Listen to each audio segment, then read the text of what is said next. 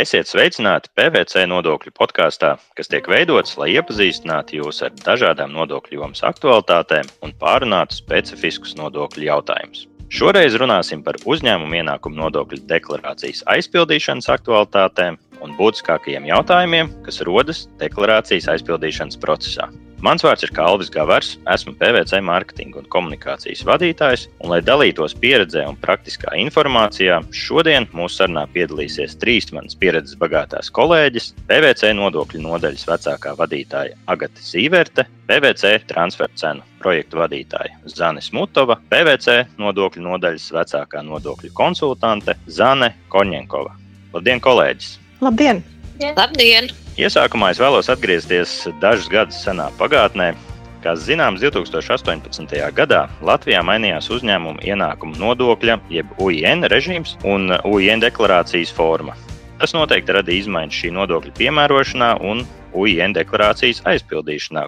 Kāds ir jūsu viedoklis par šo? Jā, noteikti, kad uh, 2017. gada nogalē tika pieņemts jauns uzņēmuma ienākuma nodokļu likums, tas pilnībā mainīja UIN aprēķināšanas principus.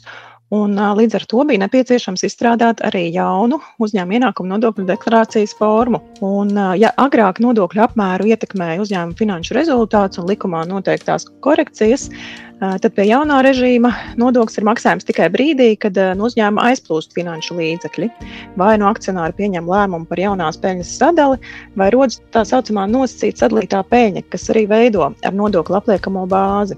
Kāpēc tieši tagad ir svarīgi runāt par deklarācijas aizpildīšanu? Tas ir tāpēc, ka uzņēmumiem līdz gada pārskatu iesniegšanu ir iespējams iesniegt labotu pēdējā pārskatu periodu, kas vairumam uzņēmumu bija decembris, deklarācija bez likumā par nodokļiem un nodevām noteiktās nokavējuma naudas aprēķina. Ja nu šādas labošanas gadījumā rastos papildus maksājamais nodoklis, un līdz ar to šajā laikā daudz grāmatvežu konsultējas par nodokļu aprēķinu, un mēs tāpēc šajā sarunā atgādināsim, par ko ir vērts padomāt. Pirms mēs sākam runāt par pašu deklarācijas aizpildīšanu, Agat, vai es tev varu lūgt sniegt tādu kā īsu kopsavilkumu, kas tad šobrīd veido ar uzņēmuma ienākumu nodokli apliekamo bāzi?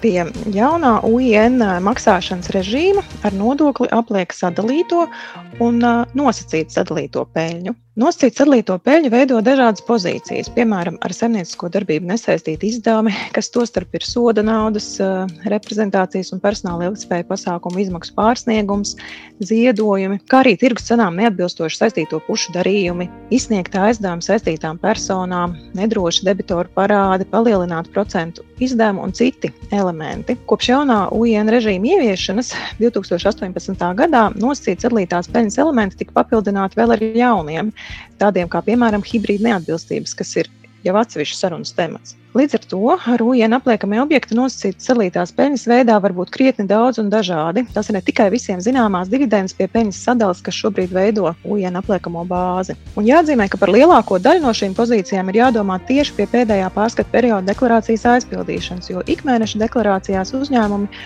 maksā nodokli tikai, ja ir tikusi sadalīta peļņa vai radušies ar saimniecisko darbību nesaistīti izdevumi. Labi, bet eh, vai ir kaut kas, kas samazina apliekamo bāzi, kādas nodokļu atlaides vai atvieglojumi?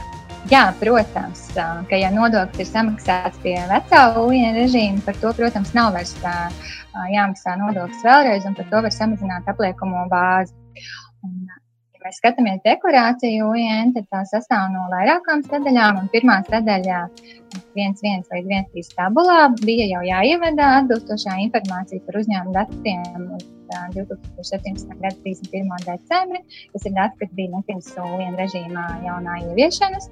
Un svarīgākais, ko varētu izcelt kas būtu jāievēro saistībā ar šo sadaļu, ir, ka pirmkārt, ka sadalot uzņēmumu peļņu, kas bija izveidojusies līdz 2017. gada 31. decembrim, ir jāievēro FIFO princips un tā ir jāsadala pirmā. Un otrkārt, vēl arī tas, ka šogad un nākamā gada laikā uzņēmumi var izmantot savus uzkrātos nodokļu zaudējumus, ja tādi bija izveidojušies līdz 2017. gada 31. decembrim. Un tā kā UN samazinājuma summa no zaudējumiem pārskatu gadā nevar pārsniegt 50% no aprēķinātās UN summas, kas attiecīgajā gadā aprēķināta par dividendēm, Tad mēs ieteiktu vēl pirms 2022. gada izvērtēt visas iespējas izmantot šo atvieglojumu, lai samazinātu budžetā maksājumu UN, jo pēc 2022. gada šis atvieglojums vairs nebūs pieejams.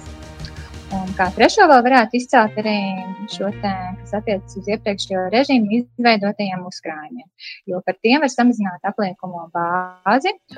Tikai jāņem vērā, ka uzkrājuma summai jāpiemēro koeficients 0,75 Un, nu, no prakses mēs varētu atzīmēt, ka praksē esam saskārušies ar situāciju, kad uzkrātās saistības, piemēram, tiek klasificētas kā uzkrājumi un tiek izmantots UN bāzes samazināšanai. Taču tos nevarēja, nevarēja izmantot. Kā piemēram, arī uzkrājuma mēdz aprits krājumiem nav uzskatām par uzkrājumiem, un atvieglojums nav pieminēts. Un tad saistībā ar atvieglojumiem var atzīmēt, ka kas ir pieejams uzņēmumiem, jā, kurš sākuši darboties pēc 2018. gada.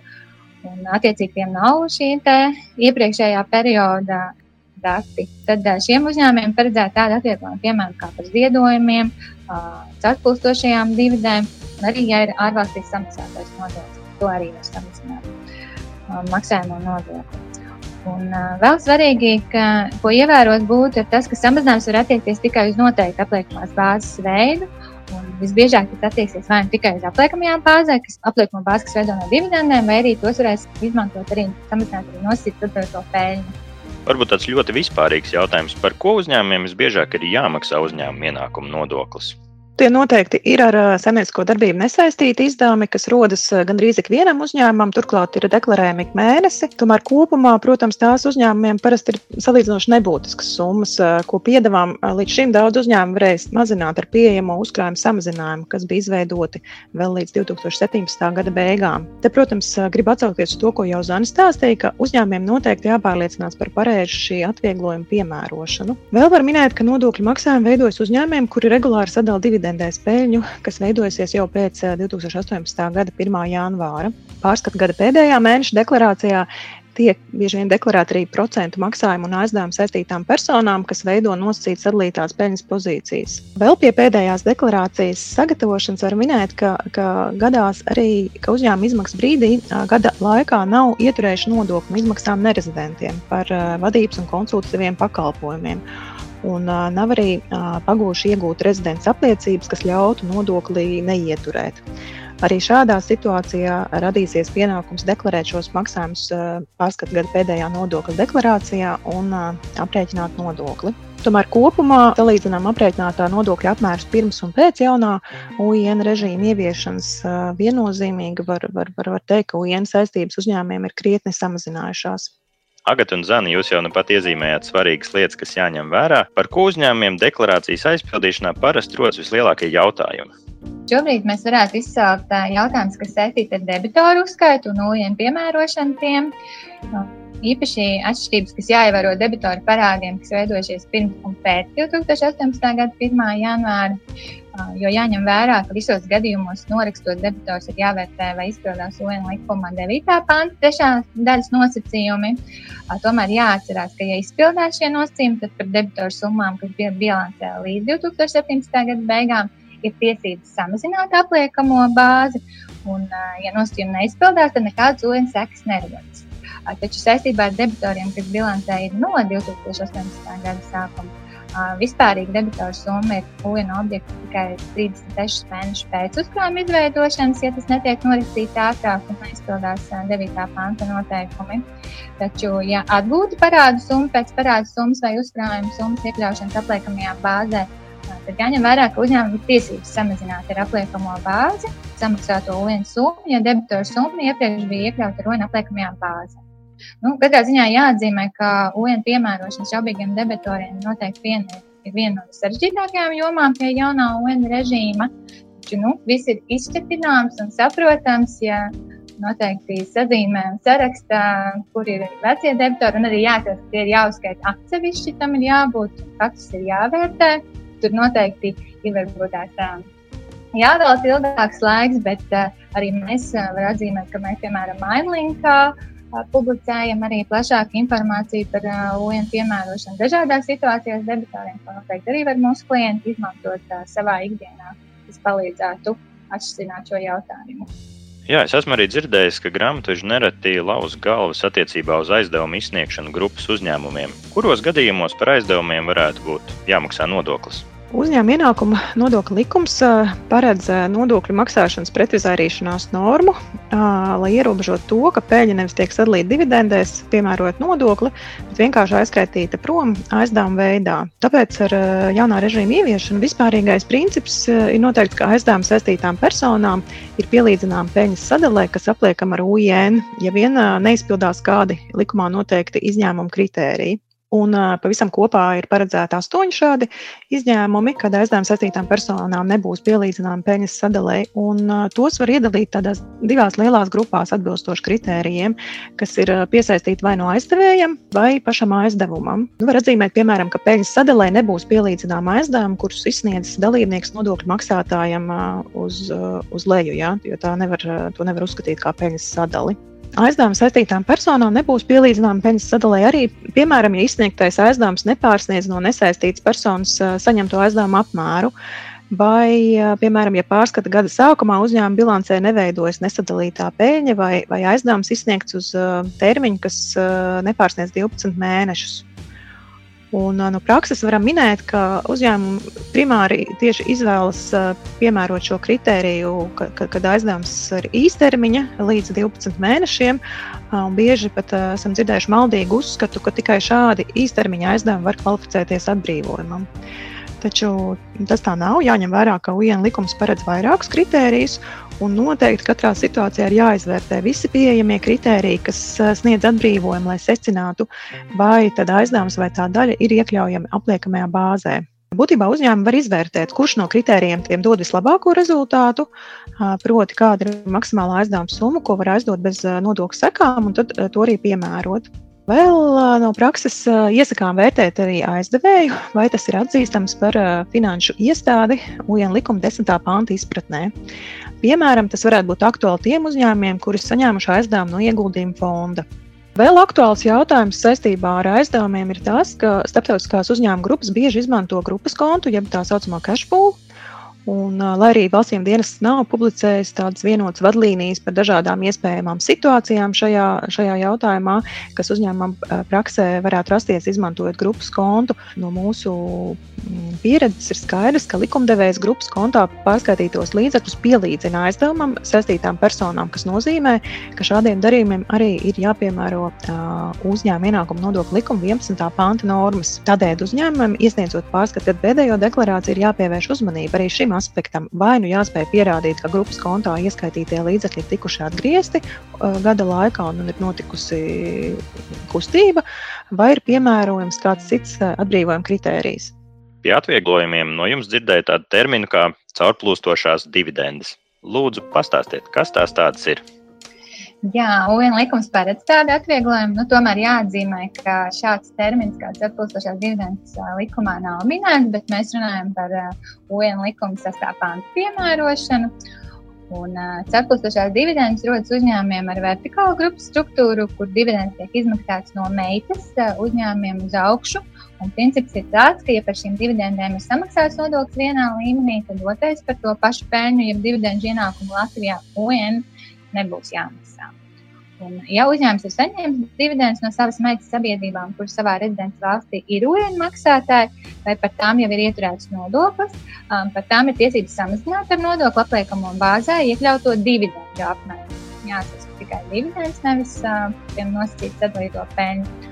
Un uh, varbūt situācija, ka meitas sabiedrība ir rezidents valstī, kur ir piemēram UN 0% likuma, kāds piemēram ir Kiprā, Un attiecībā par šādu situāciju ir publiski pieejama vītuziņa, ka arī šajā gadījumā var piemērot UN likumā noteikto attīstību. Praksē mēs esam saskārušies ar rotas jautājumu, vai ir jāizvērtē, par kuru periodu peļņu ir nesadalītās dividendes, un vai ir kāds termiņš, kuru var izmantot šo atvieglojumu. Un atbilde šajā gadījumā ir, ka, ja uzņēmums ir saņēmis atpūtošās dividendes, tad tam ir tiesības izmantot šo atvieglojumu, un tam nav jāvērtē, par kuru periodu tā mērķa sabiedrība sadalīs šīs dividendes, un kā arī uzņēmumam nav termiņa ierobežojuma šī atvieglojuma piemērošana. Tikai būtu vēl jāņem vērā, ka uzņēmuma rīcībā ir jāvidē, jābūt dividendžu izmaksātāja rezidents apliecībai vai citiem dokumentiem. piemēram deklarācijai un maksājumu uzdevumiem par nodokļu samaksu, kas apliecina, ka ir samaksāts nodoklis vai arī ka ir konkrētās valsts rezidents. Vai Covid-19 radītā pandēmija arī ir kaut kādā veidā ietekmējusi UN aprēķināšanu un UN deklarācijas aizpildīšanu?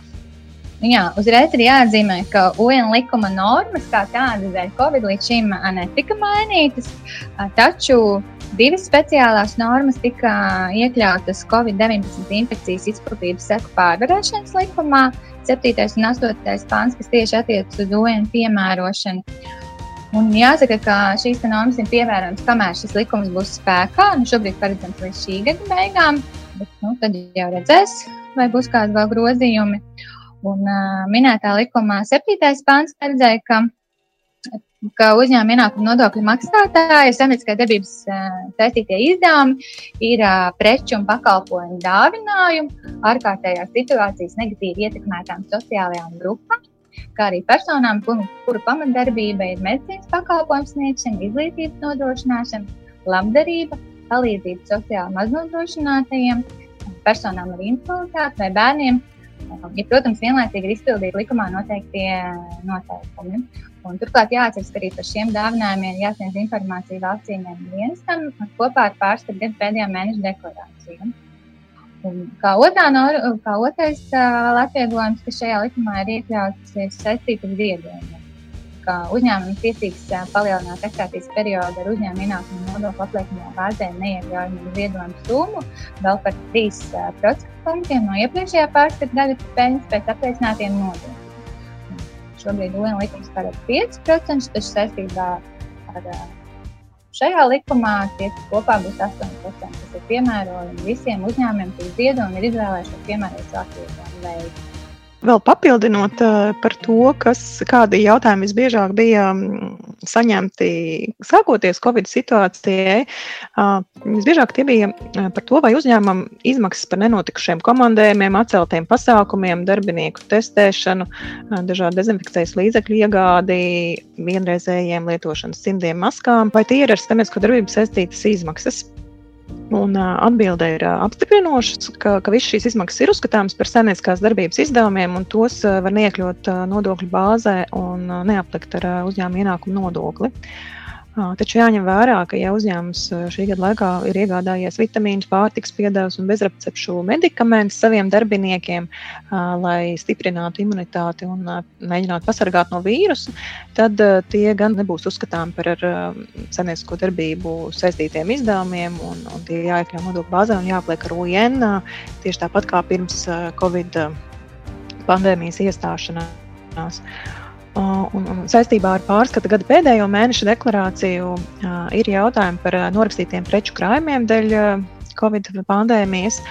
Vai tie ir jāiekļauj faktisko zudumu aprēķinā, salīdzinot to ar plānoto zudumu normatīvu. Te var minēt, ka tā kā atbilstoši uzņēmuma ienākuma nodokļu piemērošanas noteikumos noteiktajam nepārvarams varas dēļ zaudētos nodokļu maksātājs krājums un pamatlīdzekļus uzskata par izdevumiem, kas saistīti ar nodokļu maksātāju saimniecisko darbību. Šajā gadījumā katram uzņēmumam būtu jāvērtē, tad, kuru krājumu norakstīšanu ir ietekmējuši ar Covid pandēmiju saistītie apstākļi, kas tad attiecīgi būtu atzīstami par saimniecisko darbību saistītiem izdevumiem, un kuri tomēr nu, būtu tādi vispārīgie krājuma zudumi, ko nevarētu attiecināt vai norakstīt pandēmijas dēļ. Paldies Zanai un Agatē par izsmeļošo izklāstu, bet šajā brīdī es vērsīšos pie otras Zanes, Zanes Smutovas, kuras ikdienas darbs ir saistīts ar transferta cenu jautājumiem.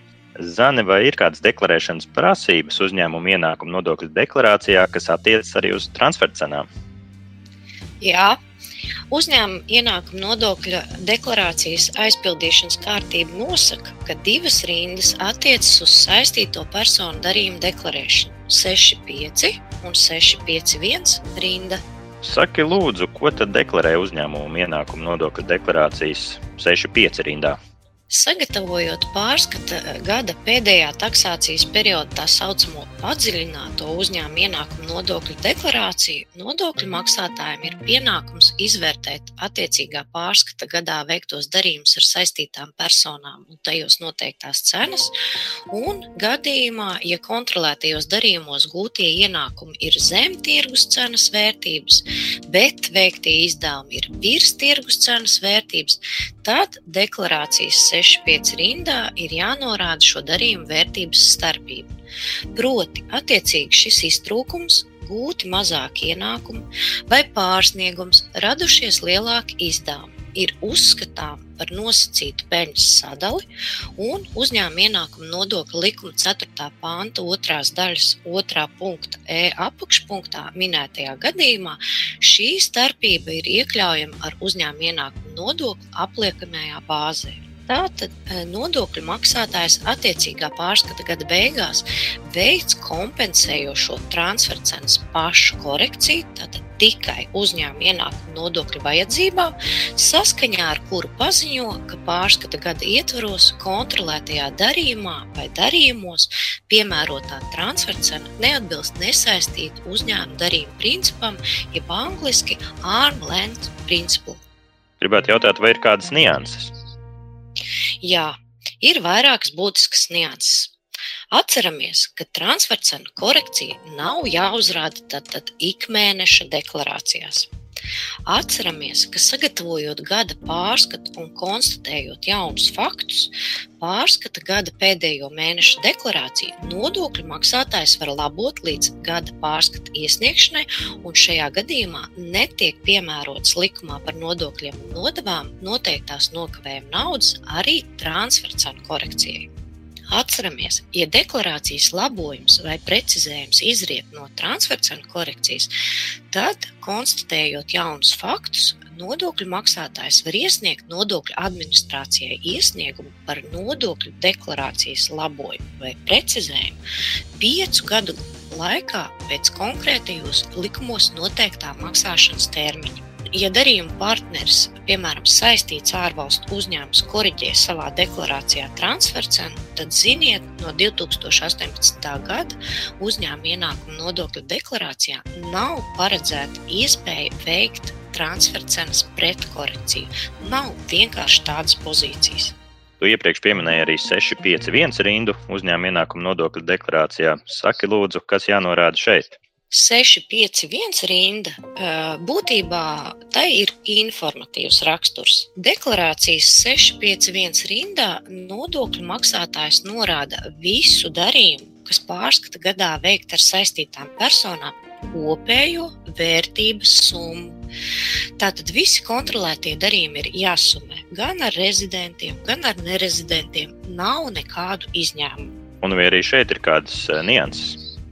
Jā, ir atsevišķas nianses. Pirmkārt, atceramies, ka darījumu kopējo vērtības summu aprēķina bez pievienotās vērtības nodokļa. Arī šo rindu nodokļu maksātājs aizpilda pārskata gada pēdējā taksācijas, jeb 12. mēneša deklarācijā, Un faktiski ir tā, ka uzņēmuma ienākuma nodokļa sekas no darījuma kopējās vērtības summas, protams, neradīsies.